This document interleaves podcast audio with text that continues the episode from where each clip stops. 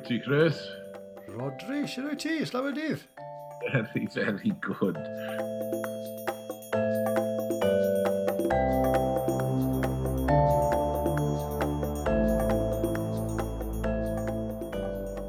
Wel, mae hwn yn first i fi, Rodri, achos um, am y tro cyntaf erioed, mae cymeriadau Cymru yn cyfweld ar y wyn tu fas i Gymru, fi'n meddwl. Ie, yeah, fi'n meddwl. Um, so, Rodri, Rodri Ogwen Williams. Wel, Rodri, ni'n awr yn gilydd e- ers blynyddoedd, wrth gwrs, a, a, a achos dy, dy, dy fam yn y dad yn arbennig hefyd, uh, ti'n gyflwyno, ti'n dîm busnes. Nawr, cyn mynd ymhellach, Rodri, right? mae rhaid i fi ofyn yn syth i ti, sut ar y ddeiar nes ti ffind yr unan yn 2001 ar Lily Savage is blankety blank? Ie, yeah, ti'n mwyn beth? dwi yn anghofio'n aml iawn. A, oh my god. Hwn. A wedyn, a, a, nawr ac yn y man, mae ma rhywun yn atgoffa fi wneud, ie, yeah, fel wyt ti wedi wneud nawr. Yeah. A ti'n wedi fi, oedd e'n ffantastig. Oedd Lily Savage ar y pryd yn gymeriad enfawr ar y teledu. Oedd blank di blank yn sioi, o'n i gyd yn gyfarwydd ag e. A Dwi'n yn cofio'n iawn pwy oedd ar uh, y sioe da fi. Un person dwi'n cofio, Bet Lynch, Coronation Street. Oh, wow. Oedd hi ar y sioe da fi. A ti'n modd, mae cofio'n na 20 mlynedd nôl nawr, ond o'n i'n gweithio ar y pryd gydag Animal Hospital. A profile Animal Hospital – uh, nath roi'r ah, cyfle i fi okay. y fod ar y sioe na. Okay. Fel nath e roi cyfle i fi fod mewn panto. A ti'n bod, nes i panto 2001 gyda, gyda Danny LaRue, gyda uh, Britt Eckland, uh, lawr yn y Theatre Royal yn Plymouth. Oedd e'n right, okay. panto enfawr. Oedd 1500 o bobl yn y theatr bob dydd am chwech wythnos a hanner. Achos yn Plymouth fanna, mae, wyt ti ar yr arfordir gyda, gyda cerniw a Dyfnaint. Right. A wrth gwrs, mae dati gymaint o bobl yn dod o'r ddwy ochr, a felly oedd y lle'n llawn. Oes, bach. A wedyn unwaith o'n i wedi gwneud panto gyda Daniel Arw a Bryd Heclan, ni'n meddwl, jaw, llai ymddeol o hwnna. O'n i'n mynd you've made it, ie. Yeah. Blwyddyn cyn ni, nes i wneud panto gyda Vicky Michelle. So, ges i, ges i, nes i wneud e ddwy waith. Mae'r hein yn enwe gyda pob parch, fydde bobl ifanc ddim yn gwybod pwy ddiawl ti'n siarad am. Wna ti'n iawn, o hwnna'n digwydd lot diddorol bod ti'n gweud ni, dwi'n dwi gweithio gyda bobl nawr, dwi'n 53 a dwi'n dwi'n edrych ar, os dwi'n torri eitemau gyda nhw, a dwi'n edrych am gerddoriaeth, a dwi'n meddwl am, am gerddoriaeth bandiau o oh, 80au yeah, a'r 90au. Yeah. A, a rhain mawr, mae ffrind, ma bobl sy'n gweithio da fi fan hyn, dyn nhw wedi clywed am bobl fel ein excess, a dyn nhw'n siŵr am ganeion Elvis. Be sy'n yeah. bod ar y byd? no, ni'n sôn am, ni sôn am bobl sy'n ei dylanwadu'r byd cerddorol, a mae bobl y millennials ddim yn yeah. quite yn siŵr pwy yw nhw. Ie, yeah, byd gwahanol, byd gwahanol. Ond, Clyw, Cyn ma'n i'n mynd mlaen mellach, e, erbyn hyn wrth gwrs, a, a mae'r ma olygfa tu ôl ti, yn y ffenest tu ôl ti fi'n meddwl, uh, yn, yn dweud e, erbyn hyn ti'n gweithio yn Qatar, ie? Yeah? Nawr, neu di es, esbonio i ni e, e, exactly beth ti'n neud na? Wel, beth oedd eddol, o'n i'n gweithio gra, es i o Sky i Satanta. Pam ni'n gweithio i Satanta, oedd y bachan oedd yng ngofal fanna, Trevor East, fe na throi'r swydd i fi, oedd arfer gweithio, fe oedd yn un o'r cynta gyda Sky Sports.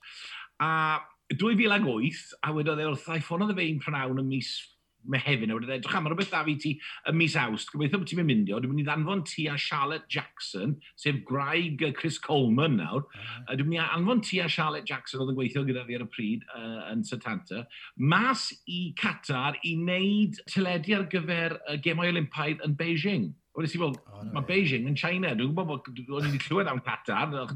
Dim lot, ar y pryd ddim lot o bobl wedi clywed am Qatar. Pawb yn gyfarwydd â Dubai, a Bahrain, a Saudi. Ond neb rili'n really sôn am Qatar, achos gwlad fach yw i mae hanner maint Cymru.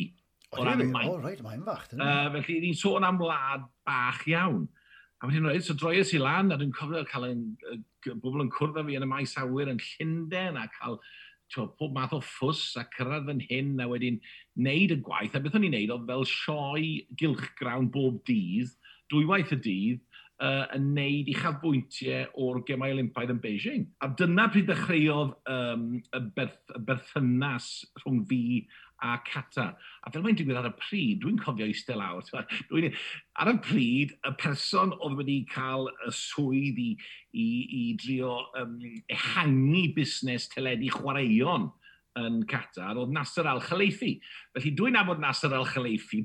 E, o'n i'n cael, cael cynno â fe yn y Ritz Carlton yn 2008. A Nasser Al-Khalifi nawr yw um, llywydd uh, Clwb Pildroi PSG a yn sicr un o'r cymeriadau mwyaf pwerus y myd pêl-droed. Yeah. A felly dwi'n meddwl, chydig dros 12 mlynedd yn ôl, o'n i'n eistedd gyda fe yn sôn am syniadau, a nawr wrth gwrs me'n fan na, fel yma, fel yma bywyd yn digwydd. A felly, fi ys si nôl ymlaen am bedair blynedd, o'n i'n dal i fyw um, yn Llundain, a o'n i'n neud rhaglenni teledu i beth oedd wedyn Al Jazeera Sport. Nawr, yn 2012, o'n i'n neud y gemau Olympaidd i Al Jazeera Sport yn Llundain. Oedd studio anhygol, da ni studio oedd yn estyn mas i ganol y tafwys. Totally bonkers. O'n i'n gwario ffortiwn yn. A o'n i'n neud y sioe ac nes i alwad ffôn gan gwmni fan hyn, gwm, cwmni teledu um, fel y, BBC mewn ffordd, fersiwn y BBC fan hyn yn Qatar, Alcas Sports Channels, sef uh, sianel dyledu y uh, wlad, y llywodraeth, os, os, os, os ti eisiau. Right. A o'n nhw'n gofyn, a, a licen i ddod allan i, i weithio yma, a ond wedyn nhw bod rhaid i symud allan. Ac ar y pryd, oedd, oedd, oedd pethau ddim yn gret yn y mywyd personol i, a o'n i jyst yn meddwl, jal, mae hwn yn gyfle fan hyn i fynd mas. Fydde lot o bobl yn gweud o redeg i ffwrdd o, o, beth oedd angen i drafod a i sortio allan, ond mewn ffordd, dwi'n falch bod fi'n ei wneud, e, achos y, pender, y penderfyniad cywir oedd. Yeah hynny. Achos dwi wedi cael bywoliaeth fan hyn nawr am bron i ddeng mlynedd. Ie, mae'n swnio fel. Ond ti'n mas na, ti'n gweud, ti wedi cael y gyrfa liwgar os cael ddefnyddio'r gair yna falle. Ne, nes ti riod fel bydde, bydde bachgen bach o, o, o bari a chydydd yn byw ac yn gweithio yn un o'r glerydd poetha yn y glerydd mwyaf cyfoethog yn y byd yn y dwyrain canol? Uh, Wel, ti'n gwybod, dwi wedi bod yn... Uh, neud joc am hyn, dwi'n dreulio sy'r rhan fwyaf o'n oes yn trio rhedeg i ffwrdd o Gymru. Right? Na beth dwi wedi wneud. Oh, right. A'n sydyn reit yn 53, um, e, dwi wedi bod yn teimlo fel hyn nawr am ryw flwyddyn. Er, beth licen ni mwy na dim byd nawr yw dychwelyd nôl i'r bari. No way! A pwy fydde'n meddwl, ie. Yeah. Felly treulio yn holl oes yn trio ngore i ddianc o Gymru fach ac o Brydain i weld le llai gyrraedd, le llai beth ydw'n oh, okay, neud. Okay, right, gan, gan i dorri wna lawr then, okay? a, a ti'n mo, allai di weid fain fyno ti. Beth oedd y peth, pam o ti moyn dianc gymaint o Gymru a Phrydain? Beth oedd y peth oedd, oedd yn neud ti ddianc drwy'r amser? Diddorol, diddorol. Um, dwi'n yn berson na, dwi'n berson, dwi'n berson eitha cymleth, ond on, on, yn, y, yn y bôn, na gyd dwi'n disgwyl yw driau ngorau a fel, fel taliad nôl am hynny, dim ond henraid mewn ffurf ariannol, ond dwi'n licio'r rhywun sy'n gwerthfawrogi beth dwi'n trio wneud. Right. A okay. na i roi cant y cant i rhywun uh, os yw nhw'n gwerthfawrogi. Yr eiliad dwi'n teimlo bod, bod diffyg gwerthfawrogiad dwi just yn cael awr a oh, dwi'n mas. Right, oce, okay, na, fi'n credu bod fi'n gwybod eich i'n mynd yn hwn. So ti'n, a fi'n sôn of yr un farn o ti, o ti'n mynd teimlo bod ti'n cael y gwerthologiad gyda, gyda Chymru, gyda Chymru Cymraeg yn arbennig felly, Cymru Cymraeg yn y well, Na, na, e? na, ddim, ddim yng Nghymraeg Cymru Cymraeg, achos ti'n fi sy'n byw yn Llundain hefyd, a felly ni'n teimlo'r un peth yn Llundain. Right. A, a dwi'n credu, uh, so mae'n bwysig bod fi'n cael hwn yn iawn. Nid yn erbyn y bobl yng Nghymru a nid yn erbyn y bobl yn Lloegr neu'r arfer neu le bynnag yn y Deyrnas Unedig, ond rhywbeth oedd, oedd y tu fewn i fi, o'n i'n meddwl, oedd rhan ohona i hefyd, oedd eisiau profi'n hunan yeah. tu fas i'r system ym Mhrydain, ac yn enwedig y system yng Nghymru. Felly, rhywbeth, rhywbeth o fewn yn hunan, o'n i'n meddwl, jaw, dwi'n gwybod bod fi digon da. O'n i'n meddwl, dwi'n gwybod bod da fi rhyw fath o dalent, dim talent arbennig, ond dwi'n gwybod bod da fi egni a bod da fi syniadau, a dwi'n gwybod allai rhoi, right. allai rhannu'r syniadau a'r egni yma gyda rhywun fydd yn gwerthfarogi. A ti'n bod, deimles i hynny yn Lloegr am damer, a wedi, o'n i, just pethau'n rhedeg allan o stem. A ti'n bod, o'n i just yn teimlo, oh my gosh, ti'n bod, popeth yn cwmpo'r yn y sgwyddau, a mm. Mae yna ma, ma, ma ffactorau personol fanna a ffactorau mm -hmm. um, am iechyd meddyliol right. yn, yn, yn hwn i gyd uh-huh. hefyd. Uh -huh. Um, Felly, pam erbyn hyn y ti'n meddwl bod ti'n barod, I suppose, i, i, i ddyn ôl i, i Gymru fach a ddyn i Bari?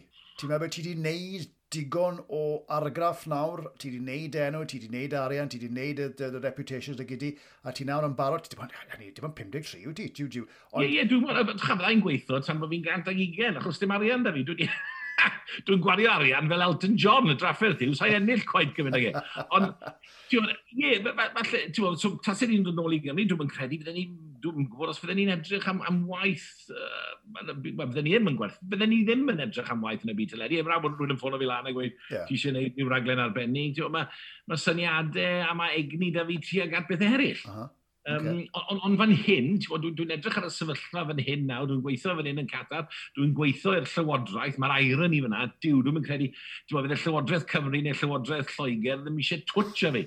Uh, a wedyn dwi'n dwi, dwi gweithio i, i Llywodraeth, un o gledydd mwyaf pwerus a, a, a a, a chyfoethog y byd. Yeah, yeah, yeah, os nag y, yr un cyfoethoga. Yeah. A felly, um, a dwi'n gweithio gyda FIFA nawr. Beth yw pros and cons de ynglyn â byw yn Cata? Wel, y peth, peth anodda yw colli teulu yn enwedig ar ôl i ni golli dad ym mis mawrth. Hmm. O'n i siarad gyda dad, o'n i siarad, o'n i siarad â dad, dair gwaith y dydd bob dydd am, am yr 35 mlynedd diwetha. Dwi'n bynnag o'n i. Ti hefyd Os unrhyw beth, byddwn ni'n ffono fe ni ar unrhyw beth. Byddwn ni'n gweld problem traffic tu fas. Byddwn ni'n ffono fe i drafod hwnna. Byddwn ni'n gweld rhywbeth ar y teledu neu'r byd chwaraeo neu stori rhywbeth fydde wedi digwydd oh, fel Boris Johnson yn, yn, yn, yn ail drefnu y lywodraeth e prynhawn yma. Oh, yeah. Ni ar y ffôn yn, yn, yn, yn trafod hwnna, ja, beth ti'n meddwl am hyn, a fydden ni, ni sôn am Covid, a, a, a, popeth, a felly sydyn reid, dwi'n dwi, siarad am mam hefyd, a dwi'n dal i siarad am mam, ond yeah. colli dad, mae'r ma ferch,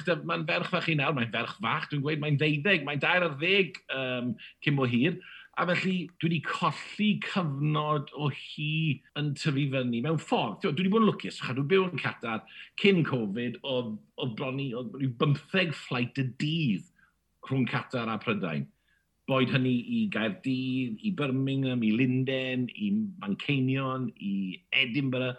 A felly dwi'n lwcus bod fi'n gallu teithio nôl amlaen yn rhwydd. A felly to, fi, fi es i'n teithio. Dwi, to, dwi wedi bod nôl i Linden am, am noson cyn hyn. Uh, ac am, am, am, am, am, am, am ddwy noson.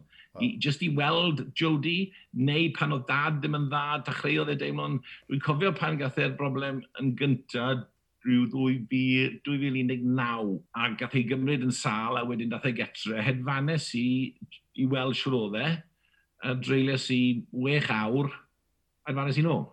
Yeah, yeah, yeah. Bod, a felly mae'n ma, ma, ma, ma, ma perspektif fi o deithio ac ar y byd yn wahanol iawn i beth oedd e, i bobl eraill sy'n byw mewn un gwlad ac yn mynd ar ei gwyliau. Ti'n i fi, o'n i just, yn, yn mynd ar maes awyr, o'n i'n neidio ar yr awyren, a mewn chwech awr a hanner, o'n i'n bari. Yeah, yeah. Yn wedi pan oedd Flight Cyrdydd yn, yn, yn gweithredu, dwi ddim ar un o bryd oherwydd, dwi ddim nôl oherwydd y busnes Covid, ond yn sydyn reit, o'n i'n teimlo mor bell a hynny, a felly mae uh, beth sydd wedi digwydd gyda'r gyda Covid a mae ma, ma trefferthion o deithio falle wedi dod ar peth Ie, yeah, na, digon teg. Ond beth... I flaenoriaeth, ac os ti'n meddwl, jaw, allai byth hedfan nôl nawr i weld mam fel na. Allai byth hedfan jyst i weld Jody. Dys i nôl nawr yn yr haf, gymryd i dair wythnos i fi gyrraedd Cymru. Ti'n bod, goffes i wneud 11 diwrnod yn Georgia, achos oedd Catar ar y, ar y rest o'r goch, 11 diwrnod mewn tŷ yn Llundain, ac felly ar ôl tair wythnos, gyrraeddes i Cymru fach, a wed, fel bobl, bobl yn gweud, wel, am faint ti'n aros hefyd ti? Wel, dwi'n aros am fus, achos bod ni'n cymryd tair wrthnos yn un gyfan yma. So, dwi'n mynd i aros am fus. A dwi'n dwi, dwi, dwi lwcus yn fanna bod gwaith fan hyn yn, yn, yn gallu rhoi'r amser i fi. Ti, Felly, dwi'n meddwl dwi'n rhoi ateb hir iawn. No, no, no. Be, be, be, eisiau dod nôl i'r bari, ond on, gyda beth sy'n digwydd fan hyn hefyd, a gyda diwedd y cwpan y byd 2022, dwi'm yn gwybod sut mae'r wlad ma yn mynd i newid. Mae'r ma, ma 2030 vision ma, da cata, dyna y peth mawr ar ôl cwpan y byd, a'r 2030 Asian Games. O'n nhw'n trio'n dawel bach i gael gafel ar y gemau Olympaidd yn 2032. Um, a mae hwnna wedi mynd i Australia ar hyn o bryd, a dwi'n siŵr fel rhan o, fel rhywun fi oedd yn gweithio ar hwnna hefyd gyda'r gyda'r um, uh, pwyllgor olympaidd fan hyn yn Qatar, fydden ni'n mynd syni yn dawel bach rhwng ti a fi a pawb arall sy'n gwrando ar y, y podlediad yw be fydd Qatar yn, yn gartref i'r gemau olympaidd yn 2036. Oh, okay. Achos um, mae'r ma, ma popeth wedi wneud yma. Wel, ymwneud, mae ma, ma gyda nhw, ond so y pros de yw, yw uh tywydd, ti'n ymdopi, a'r tywydd, ti'n ti, ti, y cyfoeth os na gyfleoedd, ti'n ma, ma, ma, ma, ma bob beth mas. Y, pro, y, pro, y pros o fyw yn Qatar, cael dy dalu'n dda, bywoliaeth, ffordd o fyw, syml, yeah. rhwydd, diog, diogel. Uh, o'n i'n gweld um, rhywbeth, uh, rhyw adroddiad deudydd yn ôl, um, Dwi'n cofio pwy wna... Qatar, the second safest city in the world. A dwi'n cofio gweld pwy oedd y cynta. Ond, ti'n meddwl, does dim... Ti'n meddwl, lle'n hollol ddiogel. Ti'n meddwl, ti'n lle mas yn gadael dy wallet a dy ffôn ar ben y car. Allen ni adael yna dros nos. Allen ni mynd lawr fori a fydde dal na. Right. A ti'n, dwi'n dwi, dwi yn gorddweud fyna, wir i ti, mae ma, ma mor ddiogel ma, ti'n yn gweld, wrth gwrs mae pethau bach man yn digwydd a mae bobl yn mynd i'r carchar am bethau bach, ond wir, mae mor ddiogel yma, felly ti'n teimlo, ti'n lli mynd i bob man, ti'n teimlo tensiwn, ti'n llenwi'r car lan a petrol, a mae hwnna'n costi ddim lot. O, oh, really? Okay. Yn costi 20 pint i fi lenwi'r car, a mae car mawr da fi. Felly, mae ma bywyd fan hyn yn gyfforddus. Gyfforddus, ie. Yeah. Wna'n air da i ddisgrifio fe mewn gyfforddus. A, a, a rhywbeth arall sy'n bwysig hefyd o fyw fan hyn, ti mewn os ti'n edrych lle mae Qatar yn y byd, ti'n ganol y byd, really. Mae'n rwydd, a, a, a ma, dwi'n eisiau swnio fel hysbyseb i Qatar Airways neu beth yna, ond gyda Qatar Airways, mae ti'n mae gyda nhw gyfer o arian, mae awyrennau modern newydd sbon yn nhw, a maen nhw'n hedfan i bobman. Yeah. Mae ffrindiau da fi sy'n pilot. Mm. Ta sy'n ni'n penderfynu prynaw yma bod fi eisiau hedfan i unrhyw le yn y byd, a dwi ar, ti'n dwi ar scheme Friends and Family efo. Allen ni fynd i'r maes awyr nawr, allen ni hedfan i unrhyw le yeah. yn direct. Da sy'n ni eisiau mynd nawr i Efrog Newydd, Washington, Houston, Chicago, San Francisco, Manila, um, Sydney, uh, wel na, ddim yn gadw fi mewn i Sydney na Auckland oherwydd y broblem Covid, ond dwi wedi gwneud lot o'r flights na, a ti'n teimlo, ti yn y man reit yn y canol, mae'n hawdd i fynd i bob man. Yeah. A hwn, mae hwnna wastad yn apelio. Ti'n pan amser off, da ti ti'n gweud, diw, pan, pan ti'n mynd i'r Maldives? Dwi yn i'r Maldives, tair awr i'r Maldives. Ie, ond Rodri, so, so, so ti'n mynd i gael hwnna yn y bari, tyl ti, a sef Eddie Nôl, ti'n mynd i golli hwnna? Na, na, ond on, ti'n mynd, dwi'n creature of, creature of habit, dwi'n dwi neud hwnna. Dwi'n yeah. dwi cwrdd â bobl, och, dwi'n licio mynd nôl i'r un llefydd nawr, dwi wedi bod yn lwcus. Dwi'n cofio dyddiau pacio, pan ni'n neud i rhaglen pacio i Esbryd oes, bach o'n i'n edfan bob bobman. Dwi'n cofio, o'n i'n gweithio gyda Sky, o'n i'n mysio gweud o'r Sky bod fi'n neud rhaglen pacio, achos o'n i'n goffo mynd, o'n i'n trial, achos o'n i'n freelance, o'n i'n gwasgu fe mewn. A dwi'n cofio un pen wythnos, hedfan off i Cuba, i wneud uh, eitem pacio, a glanio nôl a syth i mewn i Skype, o'n i'n gwneud shift bore, pedwar o'r gloch bore di llun. O'n i fel un. Ferch yn y... ferch colir yn gweud, so, hi Ron, how was your weekend? Was it busy? Was he, yeah, quite busy. quite busy. I mean, oh, bloody Edmund i Cuba, seithi eitem, I don't know. Yeah, yeah, yeah. yeah. Hey, Dwi wedi cael, dwi wedi cael y sort of bywyd na yeah, yn, so yn, yn, yn, y lôn, yn y lôn gyflym. Yeah. Dwi'n dwi teimlo nawr, dwi eisiau cadw'n brysur. Mae hwnna, mae rai fi fod yn brysur, os dwi'n cael gormod amser le dwi'n eistedd lawr a dechrau meddwl, mae pethau mynd yn drad moch. So, so cadw popeth yn symud fan hyn, yeah. ond yw hynny ddim yn golygu gorfod byw ti'n modd, ar y lleiad, neu... Na, fi'n gwybod ti fel. Ie, ie, ie.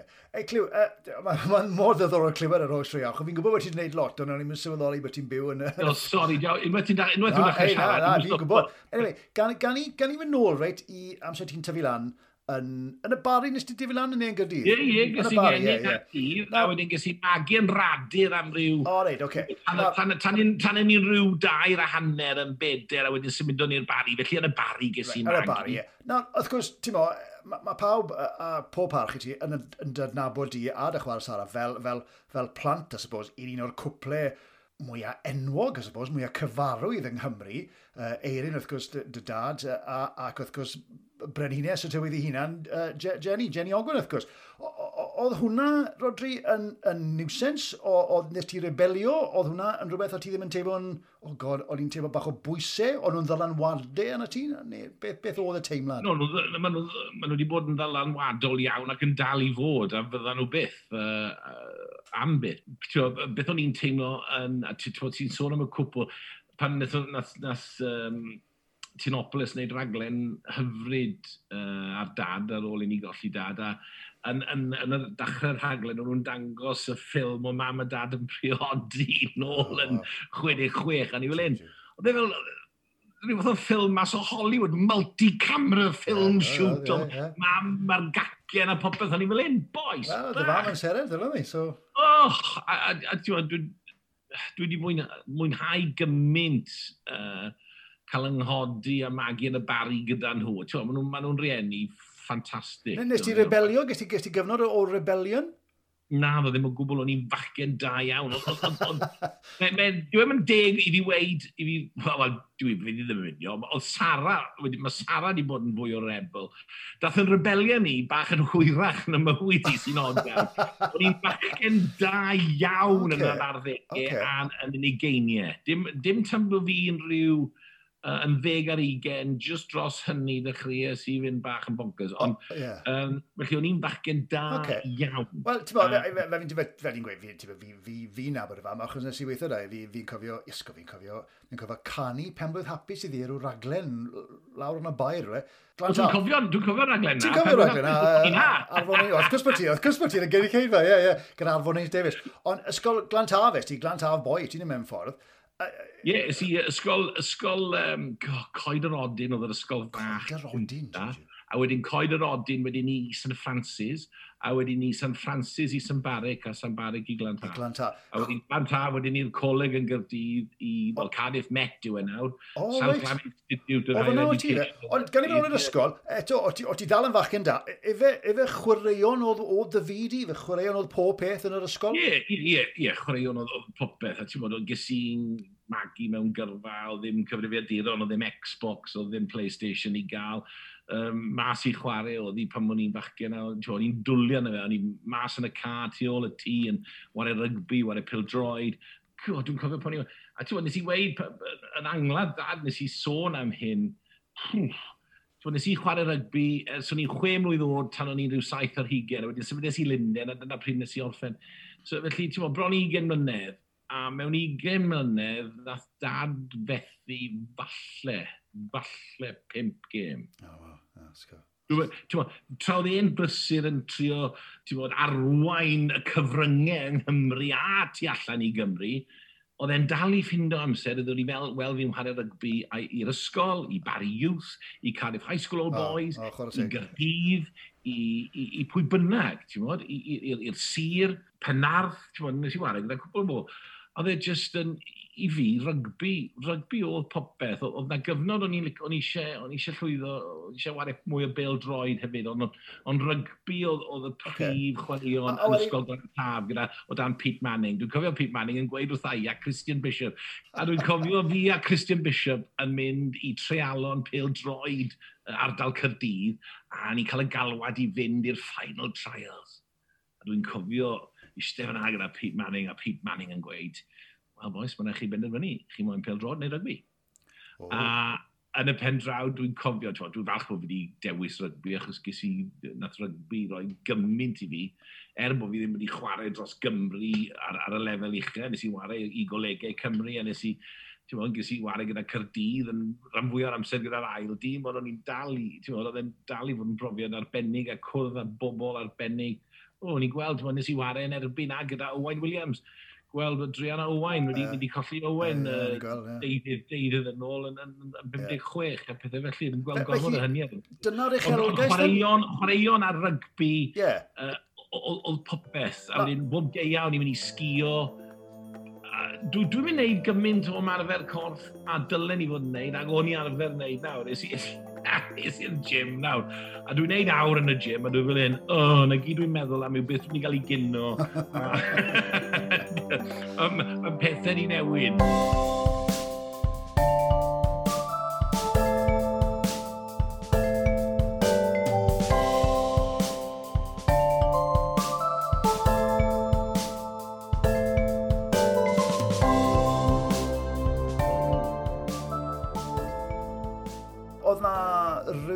fath o uchelgais ynglyn â chyflwyno. Pryd ddechreuodd pethau, ti'n modd, uh, cyflwyno? Ti'n neud pethau fel na'n ysgol neu prifysgol? Fe chi, ti'n brifysgol i neud Na, na, na, o'n i, on i ddim. Dwi'n cofio, neud, dwi cofio, cofio, cofio arwen um, bl bob blwyddyn yn King Coed, o'n i'n neud variety show, a dwi'n cofio arwain rheini. E, Eto, dwi'n mynd cofio, pam, dwi'n mynd credu mai fi na throed yn llaw lan a gweud licen i arwain. Dwi'n credu bod bobl wedi gweud, Rodrigo, di wneud hyn? Fine, oce. Okay a wedyn ni es i off i fyw yn America, o'n i'n byw yn Colorado am flwyddyn, a wedyn si wario rygbi, mynd mas i wario rygbi nes i. Wel, o'n i'n dod nôl, o'n i'n bod ar daith rygbi gyda'r coleg, o'n i wedi dilyn y llewod, felly o'n i wedi bod yn Hawaii, Fiji a wedyn Australia yn 89, a o'n i wedi chwarae, bob man oedd y llewod yn chwarae, o'n i'n chwarae, o'n i'n cael cuniawau gyda nhw hefyd, oedd e'n ffantastig. Hmm. A wedyn, ar y ffordd nôl o'r daith honno, is i a'n ffrind i aros yn America, wedyn nes i aros yn America i chwarae rygbi, a wedyn nes i sgio, nes i nôl o fanna, a ges i swydd gyda y diweddar Emyr Griffith, gollon i Emyr dechrau'r blwyddyn hon hefyd, um, a oedd Emyr Griffith yn rhedeg cwmni'r enw Euro Wales, a oedd e'n gael, ffordd fi lawr, oedd e'n Mae na fi, ma fi gant a hanner o blant ysgol o Sbaen yn dod draw. Mae ma eisiau ma eisiau rhywun yna i fynd yn nhw Rown Cymru ti'n siarad Sbaen e? Wedi si, ddim really. Wel, na fe, ddim ffain. So, so, fi a mam enir Dylan Griffin yn arwain y y grŵp ma uh, o gwmpas uh, Cymru. Ac ar gefn hwnna, wedodd y thai, wedodd y di beth, ti'n meddwl sydd fi nesaf? Mae chwech person na fi'n dod o Japan. A maen nhw eisiau wario golf, ti'n wario golf, ond nhw wario golf, a maen nhw eisiau wario golf rown Prydain. Neud y job i fi? Wedyn si, too right. A wedyn nes i wneud grŵp o America wedyn ni, ni oedd y bobl ma yn ei 60au, a mynd nhw rown Prydain, a ni'n meddwl, diawg, mae'r swydd dwi eisiau. Yeah. Arwain, fel, fel fel tour guide, arwain pobl rown, o, oh, ges i sport, o'n i wrth y modd. Yeah, yeah. A wedyn ni, so, haf o wneud hynny, a wedodd, wedodd e, em, wedodd si, right, em, beth sy'n nesaf? Wedodd e, um, wel, sy'n byd o fi. A wrth gwrs, dwi'n mynd nôl nawr i 89, lle oedd yng Nghymru yn ystod, yn ystod yr, yr hydref a'r geia, o ddim lot yn digwydd. No. Dim fel heddi. No. Mae bobl yn dod i Gymru nawr yn y hydref ar geia i wneud chwaraeon, a beicio, bethau felly. Yeah, yeah. Ond ar y pryd, oedd ddim byd rili really ar gael, lle ddim gwaith. A o'n i'n siarad â dad am, ti'n dim nôl amlan amdani, ti'n oedd cysylltiadau yn rhieni, yn wedig dad gyda cael fi fynd lawr i gael sgwrs gyda'r criw lawr yn agenda ar y pryd, a cynnig yn hunan fel rhywun lle ymchwilio a wneud, o'n i wedi gwylio raglen, a oedd reitemau chwaraeon bach yn Mod, bach yn wan o'n i'n meddwl, o ddim profiad teledu da fi, yr unig right. brofiad teledu oedd da fi. Wel, o'n i wedi bod yn, o'n i wedi bod yn eistedd mewn studios ers o'n i'n ddwy, ddwy blwydd oed, yeah. a ti'n bod o'n i wedi dysgu am y byd teledu, jyst wrth byw a gwrando ar beth o dad yn neud, a beth o mam yn neud. So, o'n i'n meddwl, jawch, a i lawr am gyfarfod, a wedyn si, o, oh, dwi'n cofio ennill bron dim arian, ond dim na'r pwynt. y pwynt oedd oedd e'n gyfle i fynd mewn i'r busnes.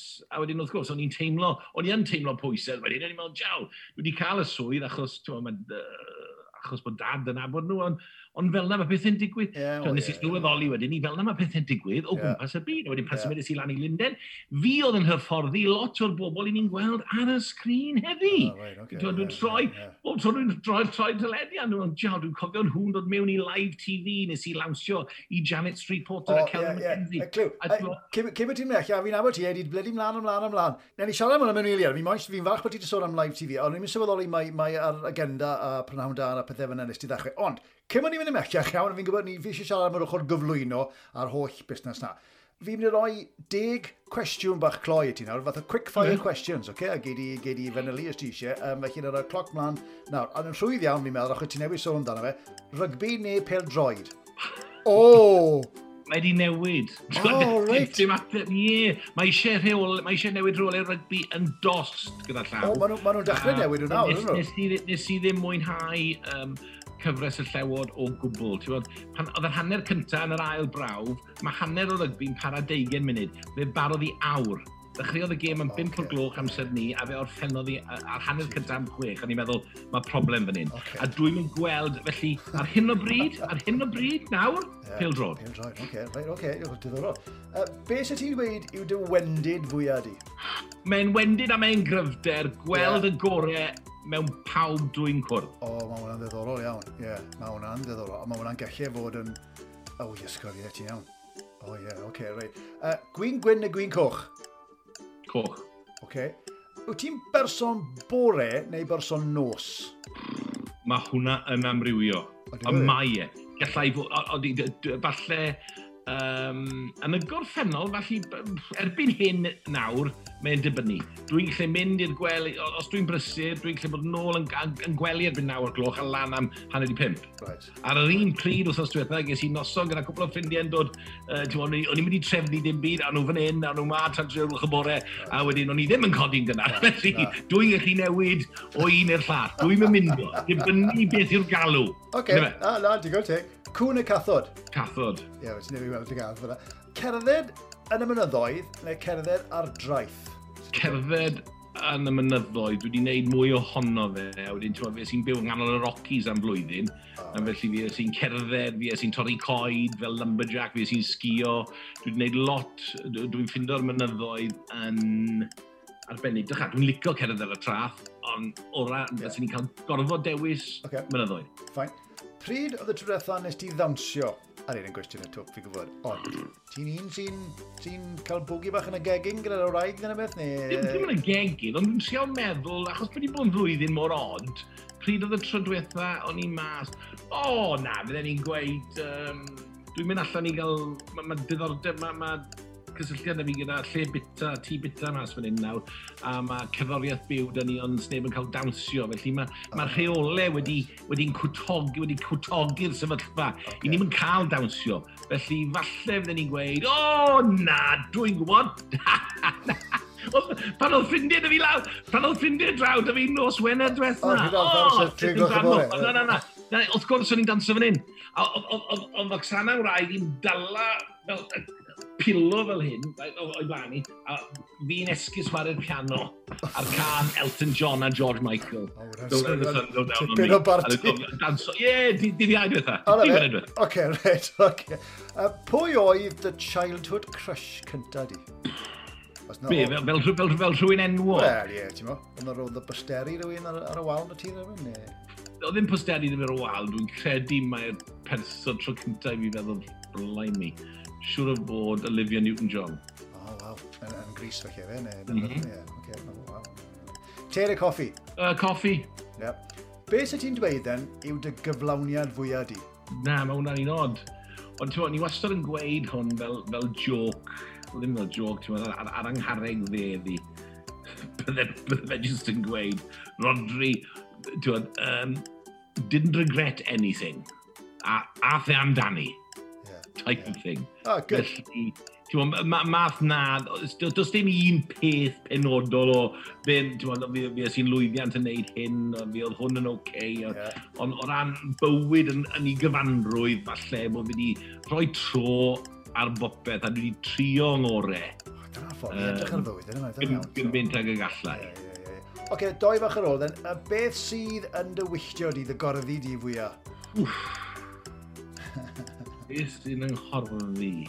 Um, ti'n beth, dwi'n dwi ffindo'n anodd nawr. Dwi'n dwi, cofio pam o'n i'n ifanc a o'n i'n gweithio, um, o'n i'n gwrando ar bobl oedd yn hun a ti'n bod, nhw wastad yn gweud, wel, ti'n bod, pam o'n i'n bachgen, o'n i'n neud hyn, a ti'n sort of yn mynd, oh god.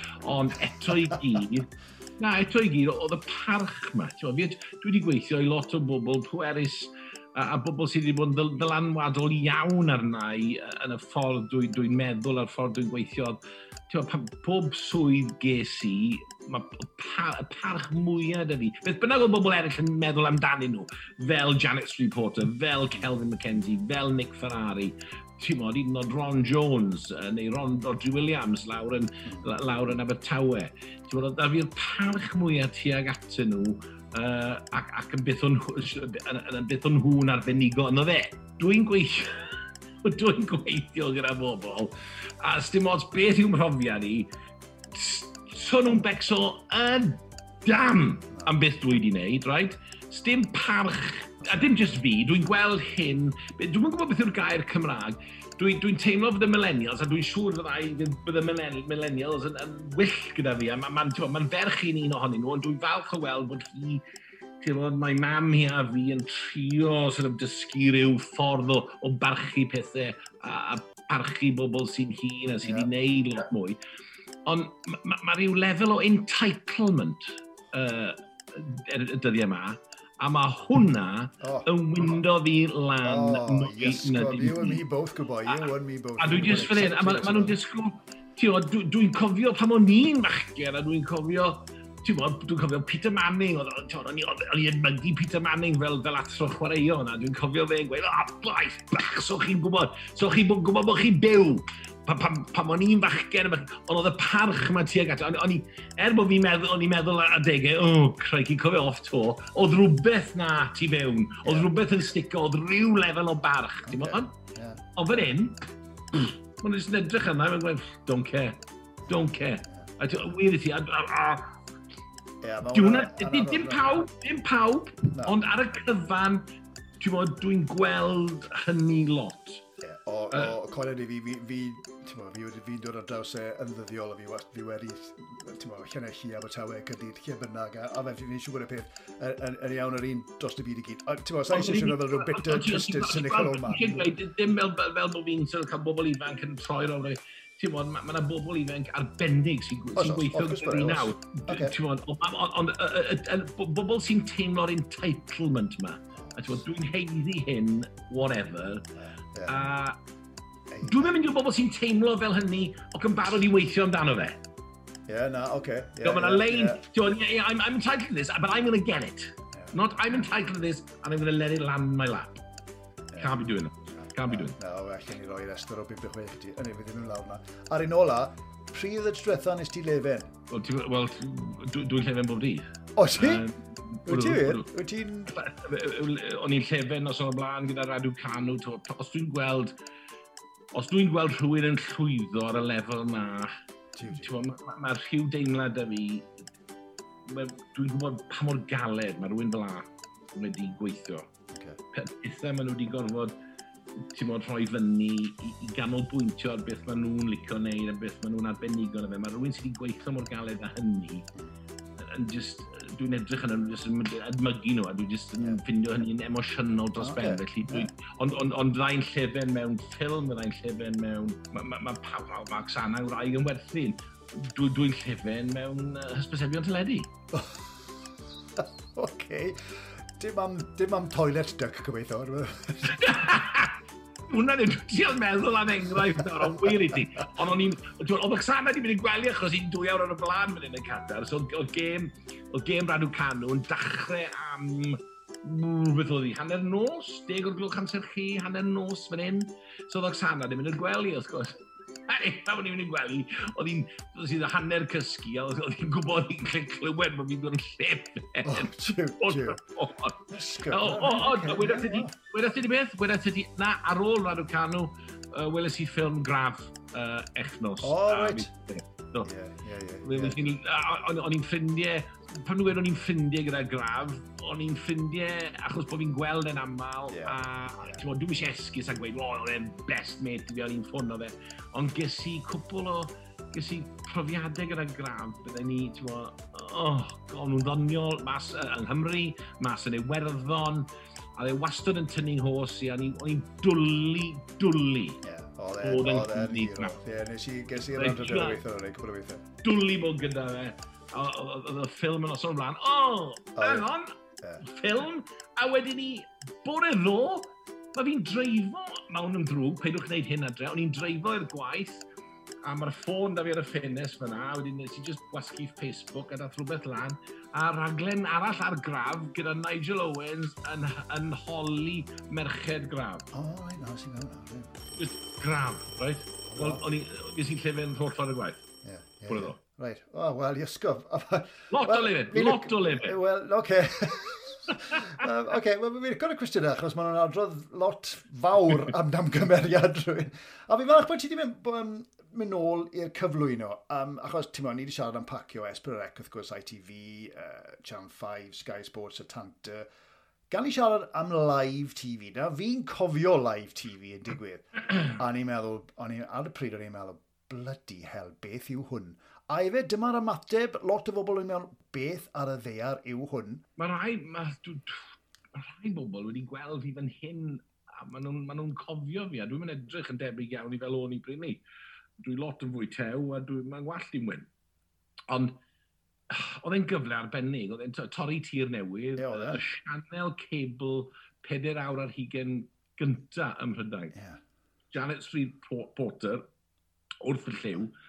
Wrth gwrs, oedd Janet eisiau rhedeg e fel y BBC. Wel, wrth gwrs, oedd e'n oedd e'n um, oedd e'n fenter um, um, fel commercial entity, felly yeah. oedd rhai busnes oedd e. O, oh, oce, okay, ie, yeah, ie. Yeah, yeah, yeah. Dwi'n cofio oedd y bil taxis yn y mis cynta yn 15,000 o bunnau. Os o'n i'n mynd talu neb, o'n i'n mynd talu neb, ond mae ma, ma, ma, ma lawnsio ar rhedeg sianel deledu yn her enfawr fel mae Andrew Neil newydd ffindo mas. Wel, ie. Gyda GB News. Mae'n un ma, ma, peth i gael y syniad o, diw, yn fyddai neis wneud hyn a wedyn fyddai'n prif gyflwynydd ar y pynciau mawr a wedyn, yn sydyn reit, yeah. diw pethau ddim felly. Felly, oedd oedd, oedd Kelvin, oedd e, managing director, fe oedd prif weithredwr Mirror TV, ond oedd neb wedi gweld Kelvin, A wedyn ni, oedd Janet na am fus, a wedyn o'n i ar y tren cyntaf o Notting Hill o'n i'n byw ar y pryd, um, i uh, Canary Wharf, achos oedd e'n y tŵr.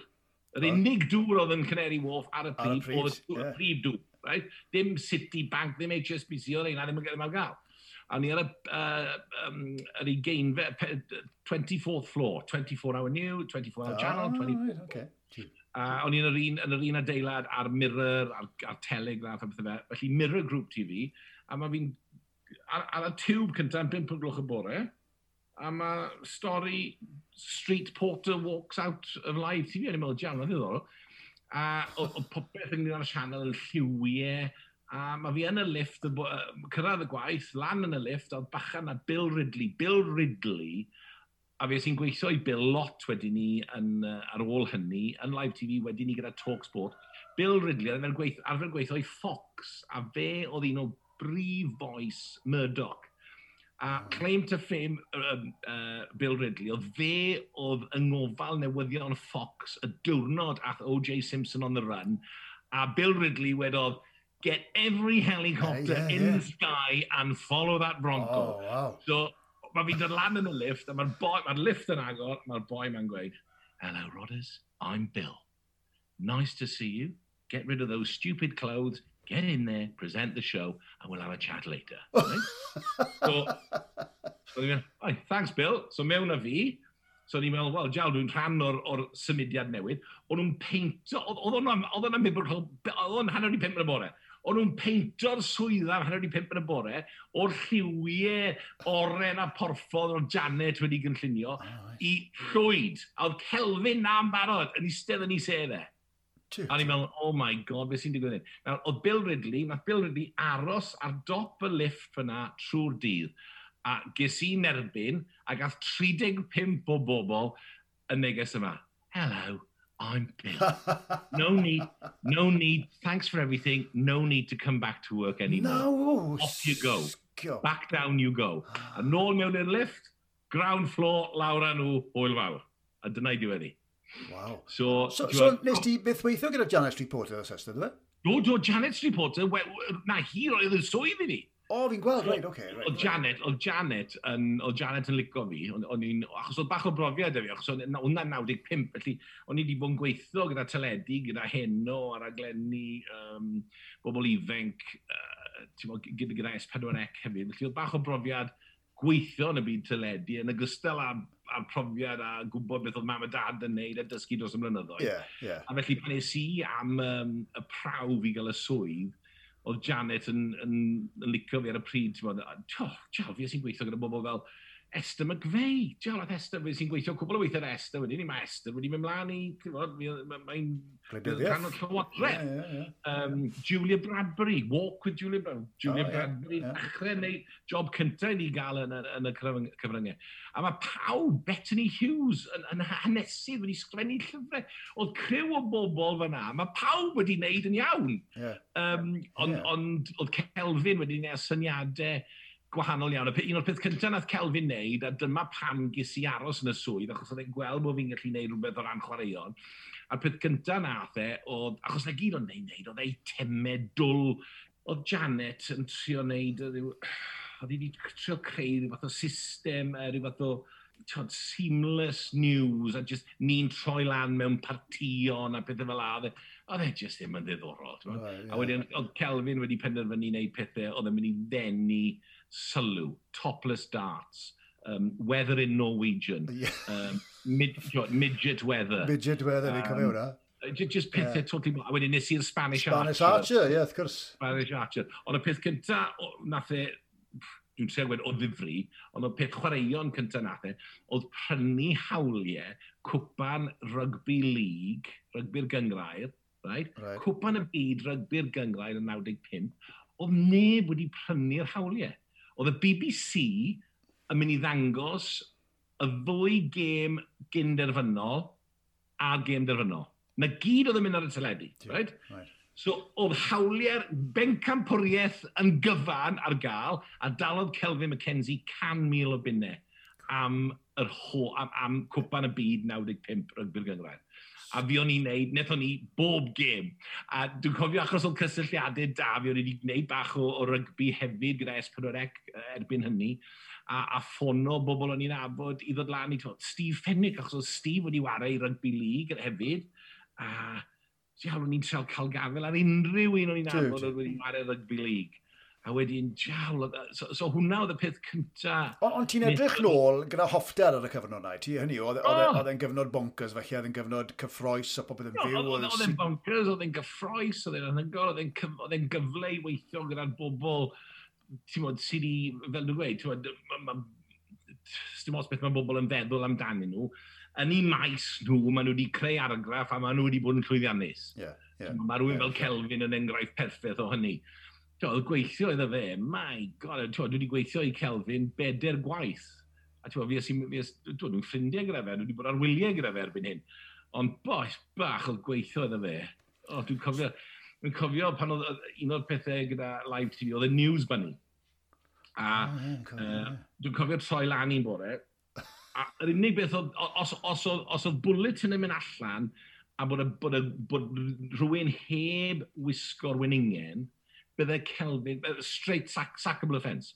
But pwy bynnag oedd, oedd, oedd golygydd y newyddion, os oedd y newyddion yn mynd mas heb y wyningen, right, yn y cefndir yn neud, ti'n meddwl, os oedd y stori'n drist, bod y winningen yn mynd. A ti'n meddwl, nes i fe cwpl o weithiau, dwi'n mewn i'n bore, fi mas i seithi eitem, A y bulletin, ti'n meddwl, i'n gynnar y bore, pimp, am benawd i pimp, oedd bulletin chwech y gloch a dwi'n goffod mynd mas.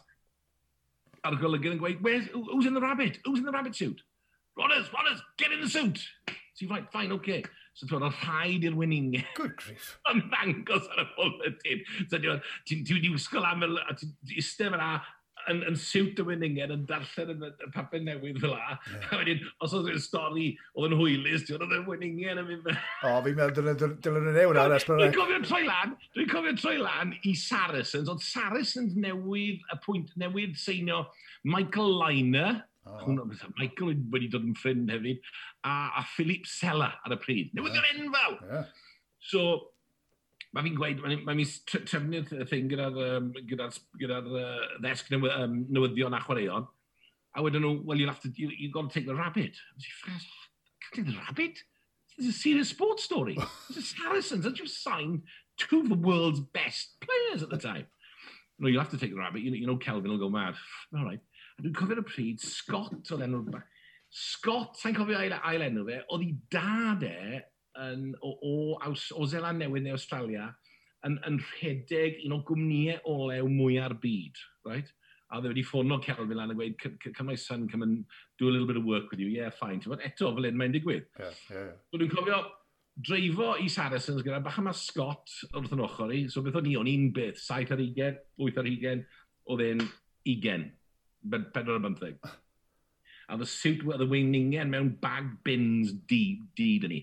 A mae fi'n dreifo lan i Saracens, a mae fi'n gweud wrth Scott, right, listen, right, stay there, I mewn, I seto popeth lan, a na'i wneud siŵr o leia bod fi'n cael rhywbeth o ddifri gyda Michael Lai a Philip Sella. Cyn bod y bloody winningen yn dod mas. So just aros fyna, achos dwi'n eisiau embarrassment o'r winningen.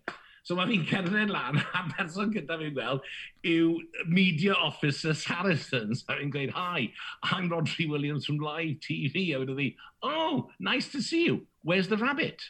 Where's the rabbit? A wedi si, the rabbit? Wedi fi, yeah, yeah, yeah. yeah. I, I'm told that the rabbit, that somebody's coming in a rabbit suit, and that's really important. Oh my God.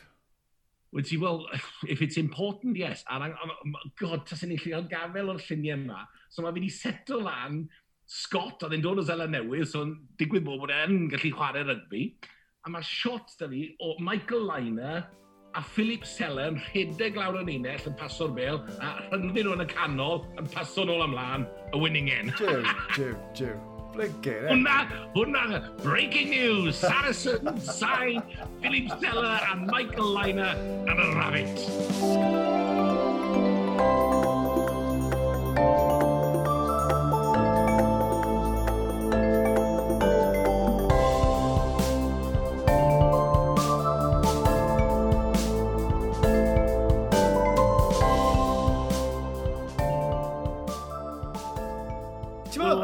ti'n neud y pethau, y, pethau, wel, dwl, I suppose, gwirion ma, fe bynnag, oedd e'n breaking new ground, beth ti'n gweud.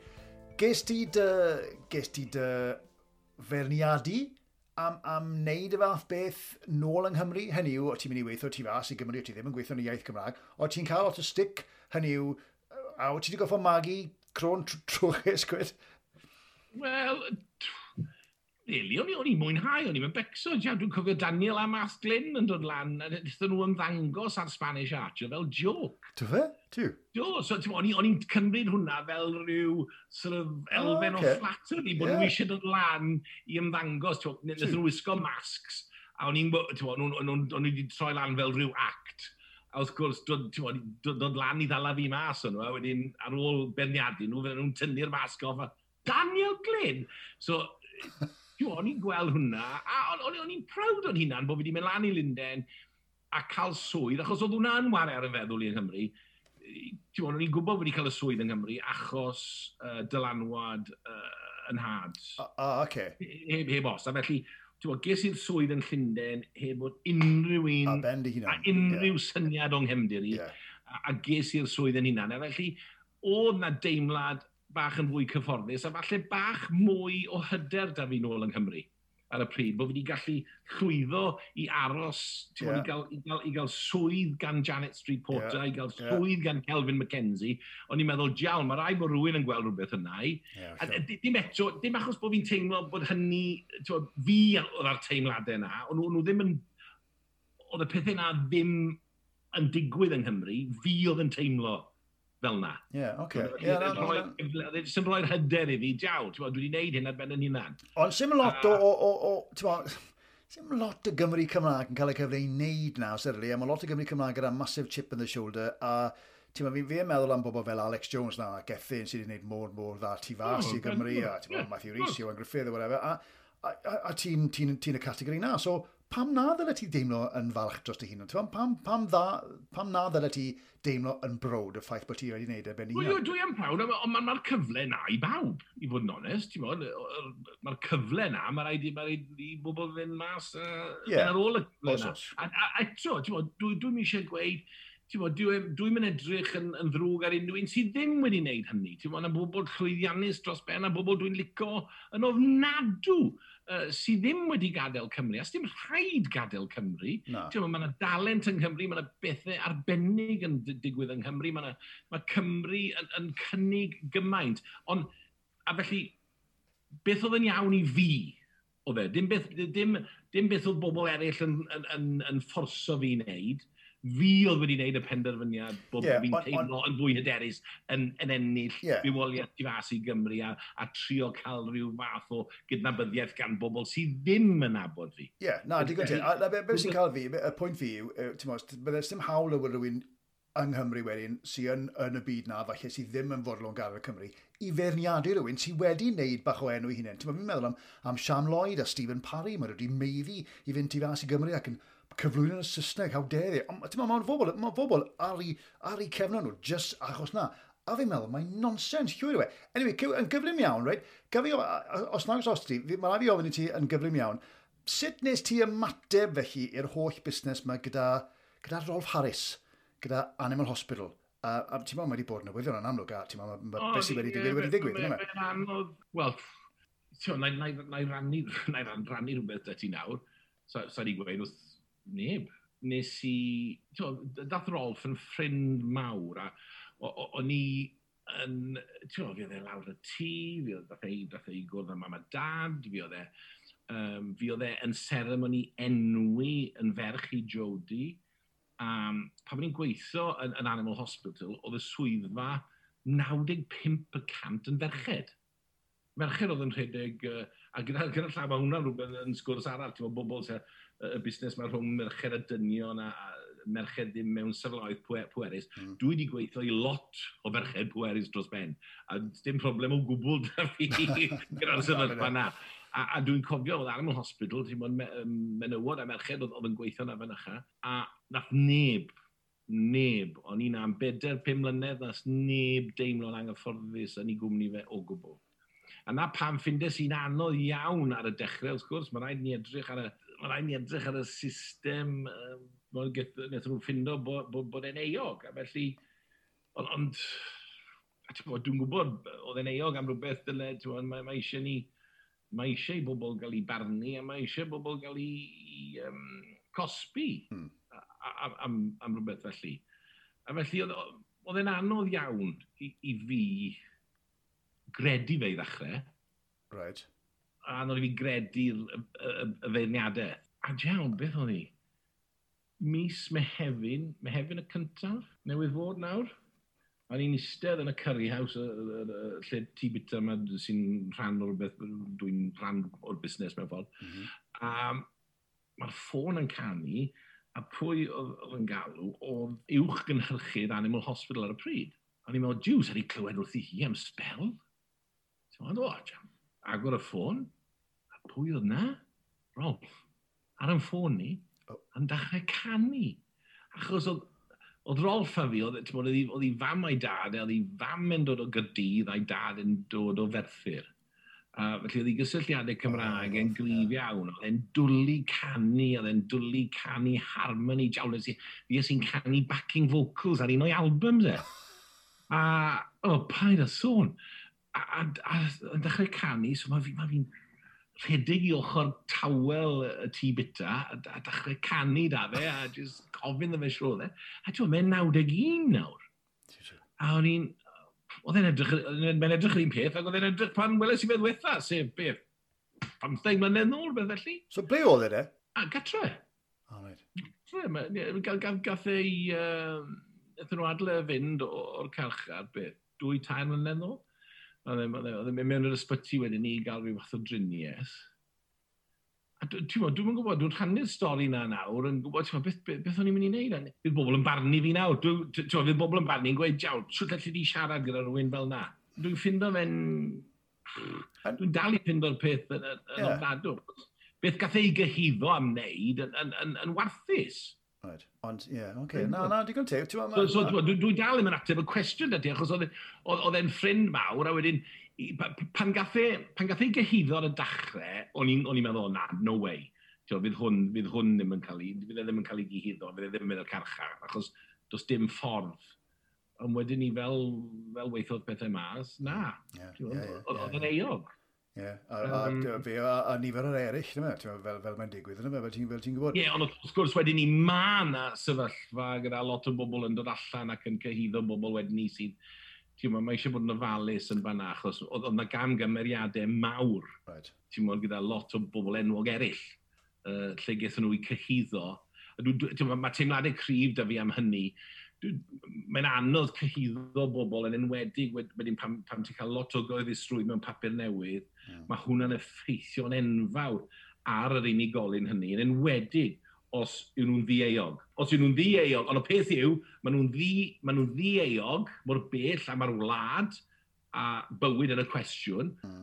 ond oherwydd oedd y papur newydd wedi cyhoeddi um, dogfennau yn, yn, yn, yn eu cehyddo nhw mewn ffordd ac yn dweud bod nhw'n eog, dyna beth mae bobl yn ei gredu. Yeah. Yeah, yeah, a yeah. dwi'n credu bod hynny'n yn, yn, yn ardal peryglis yeah, dros beth. Yeah, Mae'n effeithio'n fawr iawn ar fywydau bobl. Power of the press, no? Well, yeah, and, and misjudgment of the press. Yeah, yeah. Oce, okay, e, Clyw, ti wedi sgrifennu, sgrifennu hi yn gofiod gyda llaw? A ffach, mae angen ti. Wel, licio ni, ond mae lot o, dwi'n gwybod le i ddechrau, achos mae chi'n mae bywyd fan hyn, mae bywyd fan hyn mor wahanol. Alla, dwi, yeah. dwi, dwi bron i ddeg mlynedd fan hyn nawr, efallai ni sgrifennu llyfr ar bethau sydd wedi digwydd fan hyn. Ond mae sy'n gymryd o storiau ac anecdotes a... Mae straeon o beth sydd wedi digwydd fan hyn yn anhygoel. Yn enwedig wrth i'r wlad mae baratoi ar gyfer cwpan y byd. Mae straeon, mae beth sydd wedi digwydd i fi mas fan hyn, bydde bobl ddim yn credu, bydde, bobl yn meddwl bod fi jyst wedi gwneud y stori lan. Ond, um... Wel, um, cyn mynd i fynd i orffen o'r achos um, fi'n wastad yn rhoi fath o... Um, fi'n gwybod bod lot fawr o ddiddordebau gyda ti gwahanol, ti'n ti fas i cyfryngau, bethau. A, a, a nes i ofyn i fy ffrind Jenny Ogwen, e, Jenny, beth yw'r un peth, beth yw'r un peth ma'ch mab yn hoffi? A ti'n bywyd oedd? Gwyn. So, fi'n gwybod bod ti bach o, bach o connoisseur. Gan fi gloi, gloi, gloi stori. So, dwi'n licio credu hyn, hyn anau. A beth i, beth i bedair blynedd nôl, o'n i'n cael uh, noson yn uh, y Grand Hyatt yn ffrind i Christoph Frans. Mae'n mynd nôl nawr, uh, mynd i fod yn uh, bennaeth ar, ar westi newydd, y uh, uh, World of Astoria uh, gan Hilton yn, yn Qatar. A oedd wedi gwahodd fi a Oksana i noson o, o, i brofi gwyn. A o'n i'n gwybod bod droion ni lan, wedodd e o bod e'n black tie affair. Wrth gwrs, droion ni lan, droion si lan mewn siwti a Dicky Bow a Oksana mewn dim ond gwas, gwisg cyfri, mewn ffroc cyfri a, a het. A oedd pawb arall wedi troi lan mewn Chris T a shorts. A ni'n meddwl y diawled. A ti'n bod beth arall oedd e wedi'i wneud wedyn ni? Oedd e wedi gofyn i'r staff, a oedd cwmni wedi dod draw o Dubai, a o'n i'n profi gwyn o Australia oedd e, neu de, de Africa, de Africa a o'n i'n profi reit, bod, y range yn gyfan, o'r gwyn chepa maen nhw'n neud, yr house wine, lan at y gore. A gyda'r gwyn gwyn, oedd e wedi gofyn i'r staff lenwi pob potel, just un potel, o bob gwyn gyda'r gyda gwyn chepa. Oh. Right? So, oedd yr un gwyn chep, hyd yn yn y boteli o'r goreion aethon ni trwy chwech gwyn, right?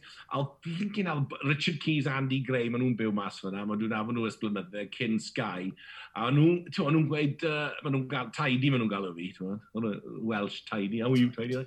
Tidy, tidy, tell us about this wine, what do you think about this wine? I mean, okay. what's good okay is that? I'n gweud, well, gadwon nhw i fynd trwy chwech gwahanol oh o winoedd, right?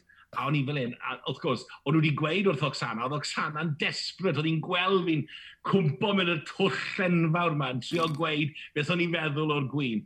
A, a wedyn pan ddath y seithfed gwyn mas, edrychais i ar y gwyn, oedd e jyst yn liw gwahanol. Edrychais i ar y gwyn, a nhw, oh, tell us about this one, what do you think of this one? A wedi, well, it's not the same colour as your wine.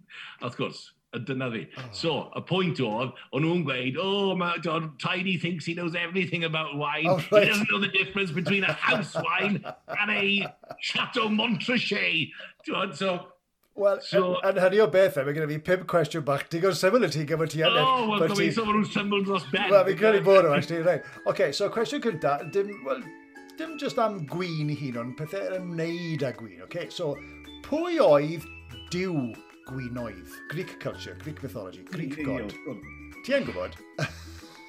Yn dachau y B. Na i beth ydy, neu ddyn ni Bacchus. Bacchus! Bacchus, yeah, right. Okay. D-A-C-U-H-U-E. Ond na di bwyta ar Aberystwyth ar enw Bacchus blynyddoedd ôl. Pa dalaeth yn yr unol daleithiau, right, sy'n yfed fwyaf o win? gan feddwl? Wel, diddorol achos dwi'n gwybod y dalaeth sy'n cynhyrchu'r fwyaf dwi'n credu yw Oregon.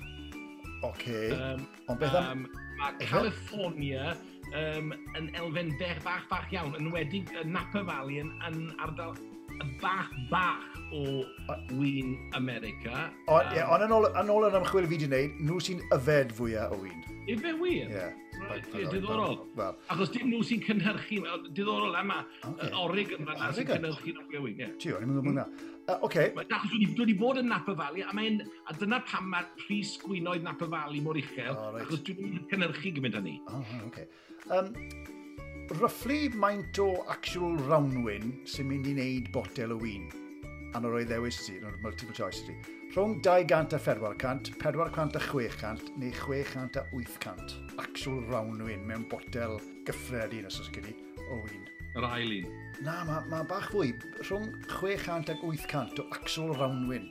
Ife? Mewn un botel. Ie, ie, oce. Iaw, dwi ddim yn gwybod ar ôl am wir. Na, na, mae'r rhain yn gwestiwn beth chi wedi gwneud yn weird, really. Uh, nôl yng Nghymru, then, mae Gwyn wedi dod yn weddol boblogaidd, fi eisiau bod ti'n gwybod, ond erbyn hyn, sawl gwynllian sydd yn yng Nghymru? 10, 20 neu 30. Ti'n nabod rhai, nhw'n amlwg. Do, fydden ni'n synnu, fydden ni'n gweud mwy na 10, achos dwi'n dwi, dwi, dwi, dwi gweld, dwi'n gyfarwydd rhai o'n nhw i syni 10 ar 20, ond falle bod na 20 fydden ni. Ne, mae 10 ar 20, mae yna 30, coed ar 20, mae 33 yn gyfo. Dwi'n ma'r rhai nhw'n fach iawn, ond mae nhw'n dod yn fwy yn fwy. Ie, anhygol, o'n i'n gofio, ond 20, 33. Ie, a wedyn yr un ola, gwynoedd Bordeaux, a fi eisiau bod ti'n gyfarwydd y gwynoedd Bordeaux. Oh, pa ddau rawnwyn sy'n cael ei defnyddio yn y rhan fwyaf o wyn o'r ardal hynny? Pa ddau fath o rawnwyn? Cabernet Sauvignon a Merlot. O, oh, ti'n newid edrych yn y ffôn yn rhywbeth? Na, da iawn ti. Ie, yeah, blink yn e. Ti'n fel ti yn gwybod y wir. Dwi'n oce am hynny. Na, na, sy'n ffôn yn fi. ddechrau. Na, na, na, fi jocan. Na, na. Cabernet Sauvignon a Merlot. Na, dwi'n achos drach Bordeaux i fi. Dwi'n dwlu ar Bordeaux. Dwi'n dwlu ar wyn o Sbaen hefyd. Wel, nes ti dda, wel, nes ti'n well, nes ti'n ish ddo dda. Nes ti'n dau, tri falle mas o bimp, ond uh, ond yn gwestiwn yma, ti'n gwybod, ei, um, yn ogystal y gwyb, ni'n gwybod fath o beth eraill y ti fy mlaen, um, ti'n bod uh, diddordebau, mae ti'n lot o passions y ti, fel ti, fel, fel ti di bod yn gweud. Ond ti'n 13 nawr, ti'n newid sôn falle bydde ti'n ofyd yn ôl i Gymru. Os na'n cynllunio, ti'n fath o berthon sy'n cynllunio cynllunio fel an llaw, fydde ti'n offi wneud rhywbeth arall, fydde ti'n offi cynhyrchu, yeah, cyfarwyddo?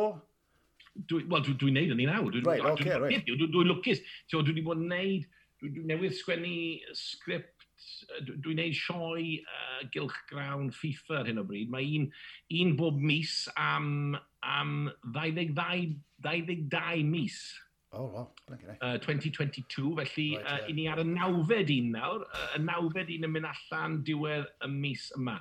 A dwi'n torri, nes i dorri eitem neithiwr, nes i, well, nes i wneud y cyfweliadau, cyfarwyddo, sgwennu'r sgript, So, rhaglen, raglen gylch grawn hanner awr sy'n mynd mas ar FIFA TV bob mis. Oce. Okay. Ond so, os na rhywbeth arall fydde ti'n hoffi wneud...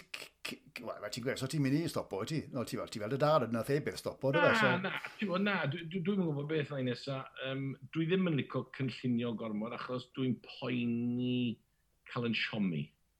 O, oh, oce. Okay. Felly, dwi wedi penderfynu, ti'n gwybod, un dydd ar y tro yw hi. Yeah. Sdim byd yn bod ar edrych ar ryw sefyllfa a gweud, o, oh, bydde hwnna'n neis, licen ni wneud hwnna, ond, ti'n bod, gewn ni weld. Gewn ni weld. Okay. Achos, sdim byd yn wath na i fi, dwi'n cysau a dwi'n gwneud gormod ohono fe, le dwi'n cynhyrfu ynglyn â rhywbeth ac yn edrych mlaen at wneud rhywbeth gymaint, a wedyn sydyn reit diwedd yn digwydd. Yeah. A mae delio, dar, dwi'n ffeindio anodd dros ben i ddelio gyda'r siom o hynny. Oce, okay. na, mae hwnna'n, ti'n ma, hwnna'n gyngor da, hwnna'n ddwfn iawn os ysgawyd wedi. Diolch yn fawr iawn ti, Rodri. Wel, ti'n fel fe, mae wedi bod yn, wel, bydd rai gael doi benod o hwn, dwi'n meddwl. Ie, sori, dwi'n gwybod. Na, pan am dihero, achos mae wedi bod yn ffantastig. Mae dwi'n dechrau, look out. Na, fi'n gwybod, fi'n mor mor ddiolchgar y ti am damser, fi'n gwybod bod ti'n frysur mas fyna yn Qatar, a, a fe fi'n gweud, nath dy fawn gweud mae rhaid ti siarad y rod, so ni'n meddwl, mae'n amlwg fyna fi siarad y rod, so fi'n mor falch bod fi wedi, so diolch o galon i ti. Fi'n rili ddiolchgar ti, a ti'n meddwl, fi, fi'n gobeithio gei di pob lwyddiant lle bynnag ti, yn Qatar neu yng Nghymru, efallai os ti'n ôl yng Nghymru, bydden ni wrth o modd yn mas y ti am, am, am beint a cael, a cael fwy o straeon, Rodri. Ond, cyn o'n... Fyddi wna mi am fwy o beint. O, tro nos, ti'n gwrdd teg, ie, ie. Mae'n rhaid i'r taxi adre, definitely. Ond, cyn o'n fi'n mynd, reit, fi'n mynd o un cwestiwn bach arall i ti orffen. Fi'n mynd i roi ti ar yr ynys golledig ma, rhywle yn, I don't know, Caribbean ar le. Beth yw'r un peth peth, dim person, beth yw'r un peth mae rhaid ti fynd gyda ti i wneud bywyd bach yn, bach yn haws, I suppose. Mae'n ma rhaid i newydd gerdded mewn o'r gwaith. Na, dim hi, ti'n cael mynd â hi. A bydde hi'n bydde hi'n gweud y ffôn. Oksana, if I was left on a desert island, if I was left on an island in the middle of the nowhere, and I needed one thing, what would I have to have? No. That's the practical side. Dŵr. Dwi'n fel la nhw'n rwysia. Ie, yeah, na. Na, ond... Na, na, what, could, what, what couldn't I live without? o ffôn. Oh. Wel, o oh, ie, yeah, oce, okay, really, ti'n ti bach yn gaeth ar y ffôn, ti? Dwi'n dwi ofnadw. Wel, peth i, o'n i'n edrych ar ffôn. Dwi'n dwi neud popeth gyda'r ffôn. Dwi'n angen cyfrifiadau dyddiau yma. Dwi'n gallu neud popeth trwy'r ffôn. A mae'r um, ma gwaith mae'r gwaith yn dod trwy'r ffôn, mae'r pethau... Yeah. Mae'n ffôn i yn mynd trwy'r dydd bob dydd. Right, trwy'r okay. dydd bob dydd a mor, ti'n bod, weithiau... Well, Neithiwr o'n i'n gweithio tan dair lwch o bore, fydda'n i'r un peth heno. O, fydda rhaid ti fynd â solar panel i, i chargio'r ffôn ar yr ynys gocherig yma, falle. Ond siw byddai ti'n ymdopi'r yr ynys, Rodri? Ti'n ti fwy digon ymarferol? Ti'n fwy ti'n licio cwmni hunan hefyd? Na, dwi'n dwi, dwi, dwi ffindo hynny'n anodd. Dwi wedi dwi, dwi, dwi, dwi, dwi, dwi, dwi, cwpl o'r quarantines dros y flwyddyn diwetha, a mae bod mewn stafell ar ben yn unan, yn, tiwa, a hynny mewn stafell pimp seren gyda llaw, right. am wythnos. Really? Um, Dwi'n berson sy'n licio cwmni, okay. sy'n licio uh, trafod a, a licio... Ie, yeah, dwi'n dwi, dwi, dwi licio cael yng nghaith well, Ac i ti wastad ffordd o dy fam bob dydd gyda gilydd disgwrs fech da honno? Wel o'n i, o'n i'n ffono bobl trwy dydd bob dydd, ond mae'n ma bod yn gaeth mewn stafell yn, yn bod, hynny am wythnos, fel, bod, a cael bwyd da, ond y teimlad na fod yn gaeth, a bod, mae bobl mewn sefyllfa oedd ofnadw dros oh, y byd yeah, i gyd yn cael ei caethiwo am bethau e, allai beth meddwl am ddim byd gwaith, i fod yn onest. Na. O, oh, wel, na fe, de. Wel, uh, na i ddim roi ti ar yr hynny, Lle fydda'n gyfrifol am rhywbeth a tiw, bydden ni'n... Ac dwi wedi bod ar cwbl ynysoedd tebyg i hynny, anyway. Oh, right. Mae'r ynysoedd wedi bod arnyn nhw fel na yn Fiji a Maldives a mas fan hyn i gyd a bar arnyn nhw. Ie, ie, ie, fydde hwnna'n neis, ydw, ie, ie, ie. Ei, diolch yn fawr ti. Um, Newn ni, newn ni gobeithio cwrdd â cymwyr a diolch yn fawr iawn ti, Rodri Ogwen Williams. Diolch ti boi. Diolch Chris!